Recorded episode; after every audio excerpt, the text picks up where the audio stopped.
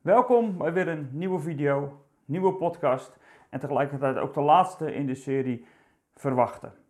En ik wil eigenlijk rond het thema Verwachten nog één ding heel graag met je bespreken. Want rond het thema Verwachten, waar we het over gehad hebben de laatste drie afleveringen, blijft er ergens nog een spanning zitten, een dilemma zitten, eigenlijk een vraag zitten naar hoe ga je nou met de balans om van verwachten. Nou, daar wil ik met je over nadenken in deze video. Want verwachten, Jezus verwachten dat hij terugkomt, daar zit natuurlijk een andere kant nog aan. Daar gaan we het met elkaar over hebben, omdat het een vraag is die als die je uit balans raakt en alleen maar gericht zal zijn op Jezus en zijn wederkomst, dan kom je ergens ook een beetje klem te zitten met je roeping hier op aarde. Want jij en ik, je hebt gewoon een roeping op aarde. Je hebt een, je hebt een taak. En hoe blijf je nou in die balans balanceren? Want het is wel een beetje balanceren, denk ik. Want Jezus verwachten is mooi, maar vervolgens moet je ook hier op aarde nog in beweging blijven. Mijn naam is Theo de Koning van eindeloosgelukkig.nl en bij Eindeloos Gelukkig hebben we het verlangen dat elke gelovige een moedige discipel van Jezus zal zijn. En je zult het wel merken, en dat weet je wel, dat soms deze video's ook wel eens een klein beetje schuren. En misschien schuurt deze video ook wel een beetje. En waarom schuurt deze video dan een beetje? Nou, hij schuurt vooral omdat je aan de ene kant natuurlijk moet zeggen, we verwachten Jezus. En aan de andere kant wil ik ook een beetje schuren tegen dat gevoel van, nou ja, dan wachten we maar af en we zien hoe komen en dan verlangen we naar. En nou ja, daar helpen we elkaar mee om dat verlangen nog groter te maken. Ja, en dan? Nou, dan wordt het lastig. We hebben natuurlijk de afgelopen tijd gehad over het verlangen naar de wederkomst van Jezus. Maar we hebben het toen ook over gehad dat wij in tijd denken. En dat tijddenken van ons staat haaks op het denken van God. God is niet tijdig. God is eeuwig. Dus God heeft helemaal geen probleem dat de tijd langer duurt. Daar gaat het bij God helemaal niet om. Het gaat bij God niet om dat als hij nu niet snel Jezus terugstuurt, dat die tijd aan het verliezen is. God heeft helemaal geen tijd, want God is eeuwig. En als je daarover na blijft denken, dan moet je je misschien ook afvragen of dat wij misschien niet veel te, veel met die tijd bezig zijn, dat we nog hier op aarde dan zijn, omdat Jezus er nog niet is. En toen hebben we al eerder gezegd van dat God eeuwig is en niet aan de tijd van ons vastzit, dat laat iets over God zien. Er zit bij God natuurlijk iets heel bijzonders in. Er zit bij God ook een balans in. Natuurlijk verlangt God naar een nieuwe hemel en een nieuwe aarde en een schepping die helemaal tot zijn doel komt. En ieder mens op die schepping die helemaal volmaakt zal leven zoals hij bedoelde. Natuurlijk verlangt hij daarnaar. En toch is er bij hem een grote verlangen dat er nog bij komen die er nu nog niet bij zijn. Gods geduld, en dat is een lastig woord hè, want ook het woord geduld heeft alles te maken met tijd. Maar Gods geduld, dat was wat Petrus dan zei, heeft te maken dat er nog gered moeten worden. Dus God is geen tijd aan het verspillen. God heeft een verlangen. En dat verlangen, dat heeft te maken met degenen die er nog niet bij zijn. En het is goed om dat wel even te blijven beseffen. Want ten opzichte van dat verwachten van Jezus is dus eigenlijk, of er zou eigenlijk een tegenhanger moeten zijn. De tegenhanger die overeenkomt met dat diepe verlangen wat God heeft, dat er, zolang Jezus er nog niet is, dat er nog gered worden. Het getal van Gods gelovigen is nog niet vol, daarom is je nog niet gekomen. Je kunt niet zeggen de tijd is nog niet vol, Gods getal is nog niet vol. En in dat niet vol zijn van die tijd zit God nu te verlangen naar degenen die er nu nog niet bij zijn. Die geeft hij nog in aardse termen nog tijd. Dus zijn verlangen, dat, is, dat, dat verlangen naar die redding, dat is de tegenhanger die onze verwachting in balans moet houden. Zodat we niet gaan doorslaan naar alleen maar verwachten. Want het doel van Gods wachten, dat moet ook ons doel worden. En misschien is dat ook wel een beetje lastig. Kijk, verwachten, dat doe je vooral op het moment dat je hier met elkaar over nadenkt. Dan wordt die verwachting groter dat Jezus terugkomt, dat alles goed zal zijn en volmaakt zal zijn. Verwachten doe je misschien ook nog veel sterker op het moment dat het niet zo lekker gaat in je leven. Dan denk je, nou ja, laat Jezus dan nu maar komen. Of laat ik dan nu mijn hoofd maar neerleggen, want dan is het goed. Dat hebben we in coronatijd ook gezien. En wat gebeurt er dan altijd? Dan gaan we ineens helemaal ons focussen, wanneer zal Jezus dan komen? Dat heb je in de coronatijd ook al gezien. Wat gebeurt er dan? Dan wordt het hele boek openbaringen als een soort puzzelboek gebruikt. En als een soort routekaart van, nou, hoe lang gaat het dan nog duren? En hoeveel uitspraken hebben we wel niet gehoord toen? Van, nou, zo lang zal het nog wel duren. Of, nou, het schiet wel op. En dan ontbreekt dus die tegenhanger. Dan zijn we alleen maar gericht op de ellende waar we uit willen komen. Een soort escape. En dat is niet bijbels. Hoe groot is jouw verlangen dat de mensen uit jouw directe omgeving er nog bij gaan horen? Mag ik die vraag bij je neerleggen? Ik zei dat die zou schuren vandaag. En dan heb ik het niet over de eerste kring mensen om je heen. Want natuurlijk, die verlang je er allemaal bij. Maar misschien ook je tweede, je derde kring. Misschien ook je collega waar je nou niet de beste band mee hebt. Misschien ook je buurman nog wel, waarmee je hommels hebt over dat de heg op het verkeerde moment geknipt wordt. En nou ja, je kent al die verhalen wel. Mag ik jou vragen of dan jij dan datzelfde verlangen hebt, dat diegene, als hij er nog niet bij hoort, dat hij er nog bij gaat horen, of dat verlangen dan hetzelfde verlangen is van het verlangen van God, waardoor hij nog niet Jezus naar deze wereld stuurt. En als je die tegenhanger van dat verlangen naast die verwachting niet hebt, dan hang je door naar één kant en word je uiteindelijk passief. En dat zeg ik ook uit eigen ervaring. In de moeilijkere momenten heb ik ook die momenten gehad dat ik dacht, nou Jezus, kom dan maar nu maar terug. Het is goed geweest. En dan merk je dat je passief wordt. Want als ik tegen je, aan jou nou zou vragen, wat zou je nou het allerliefste willen?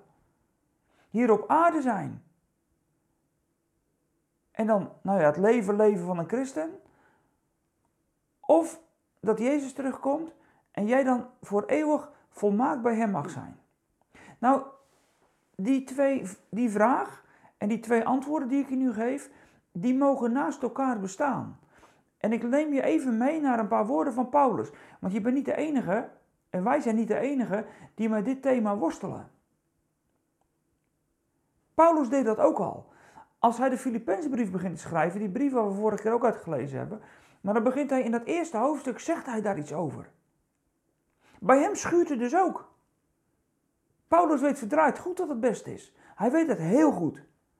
Het allerbeste, zegt hij, dat is bij Jezus zijn. En liever nu nog dan morgen. Nou, ik lees een paar versen met je. Filippenzen 1, vers 21. Want voor mij is het leven Christus en het sterven winst. Als ik blijf leven, kan ik vruchtbaar werk doen. Maar toch weet ik niet wat ik zou kiezen. Ik word naar twee kanten getrokken. Enerzijds verlang ik ernaar om te sterven en bij Christus te zijn, want dat is het allerbeste. Anderzijds is het meer in uw belang dat ik blijf leven.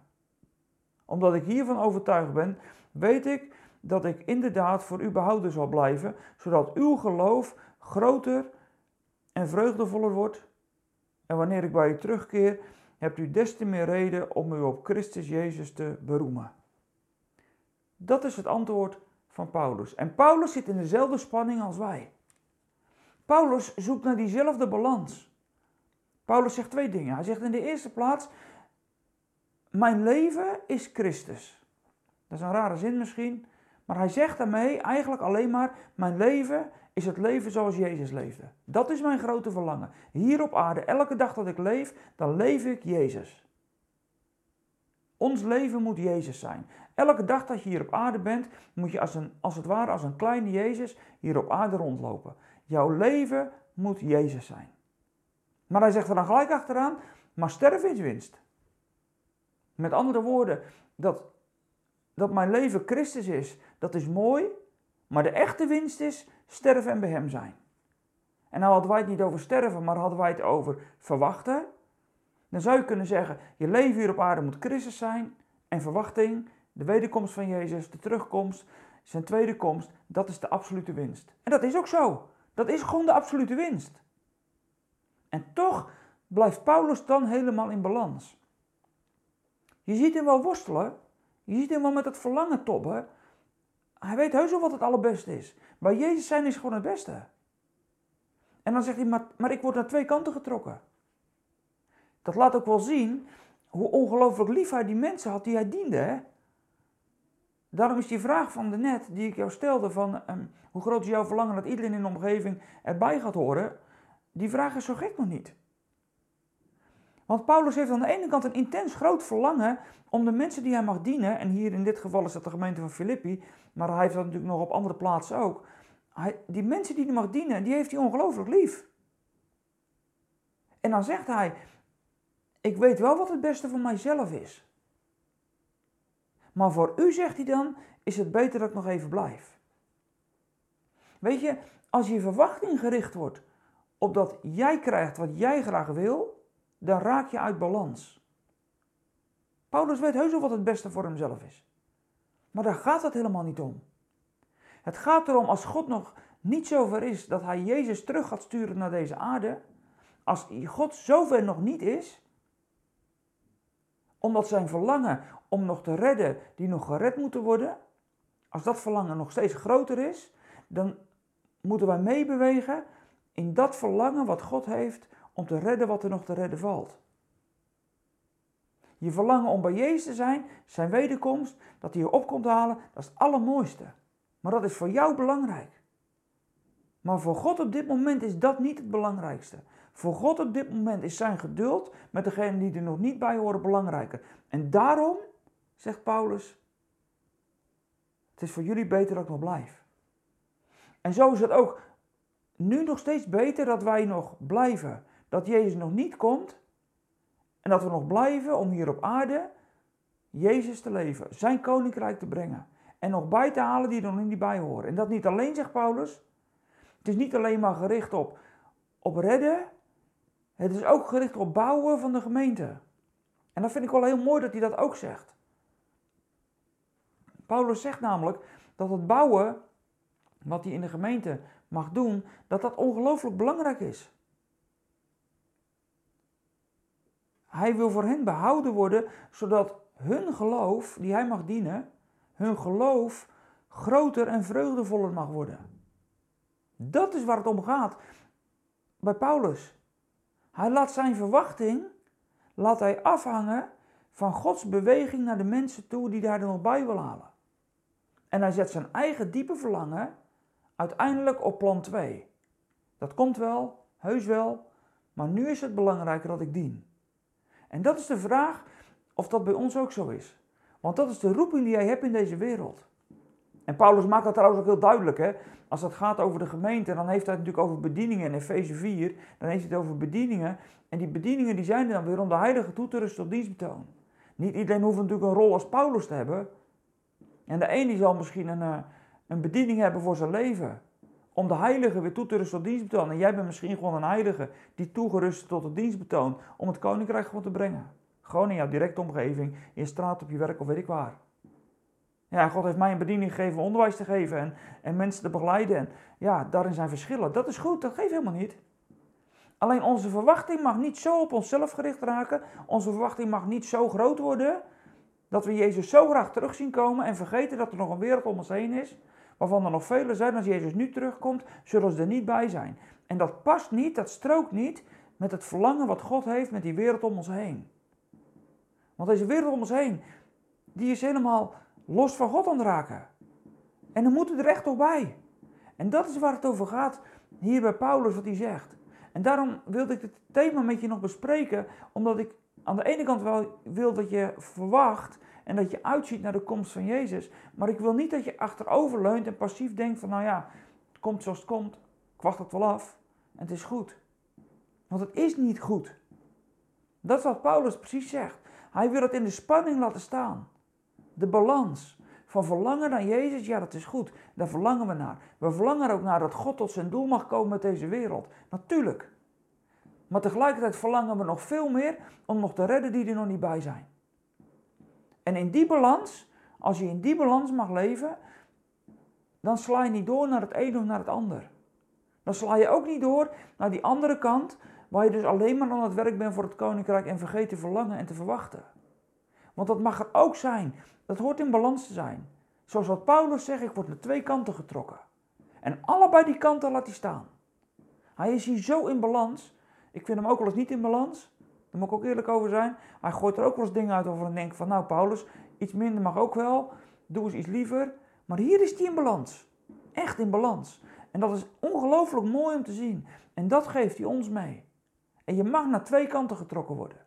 Aan de ene kant wordt je hoofd getrokken naar de wolken van de hemel en je hoopt dat Jezus erachter vandaan komt. En aan de andere kant kijk je naar beneden, zie je de mensen om je heen en denk je, ja, die zijn er ook nog. En daar moet ik ook nog iets mee, want God heeft me daarvoor ook bedoeld en bestemd. Spanning bij het verwachten. Dat was het thema wat ik hierboven had gezet. En die spanning die laten we ook gewoon staan. En doordat het spanning is, schuurt hij ook. Zeker. Maar dat mag ook. En dat moet ook. Want dat houdt ons uiteindelijk scherp. Ik hoop dat je op deze manier je verwachting in balans mag brengen. Dat je zo verder mag. Volgende week is kerst. Dan gaan we het nieuwe jaar weer in. Nou, hoe zit het dan met onze verwachting? Maar ook hoe dienen we dan, ook het jaar wat weer voor ons ligt straks, hoe dienen we dan deze wereld met het koninkrijk van Jezus? Dat mag, ons, dat mag ook een heel intens groot verlangen zijn. Nou, ik hoop dat ik hiermee een kant, een kant op duw, waardoor dat je mooi in balans mag zijn, een prachtige christen mag zijn, die met één oog naar de hemel kijkt en met het andere oog naar de wereld. En dat je zo mag dienen en mag verwachten en dat dat heerlijk in balans mag zijn. Spanning in het verwachten, bij het verwachten, dat mag er helemaal zijn. Dankjewel dat je hebt gekeken. Fijn. Ehm, geef even een blauw duimpje als je op YouTube hebt gekeken. Ehm, en verder zou ik zeggen, als u ons financieel steunt, vinden we dat heel fijn. Daar willen we je voor bedanken. Daar eren we je ook voor. En voor degenen die dat nog willen doen en blijven doen, van harte, want het blijft gewoon geld kosten het werk wat we doen. We zijn blij dat het allemaal steeds beter wordt. Je ziet het wel. Ik weet niet opgevallen, maar we hebben eindelijk voor mijn idee nu goed licht.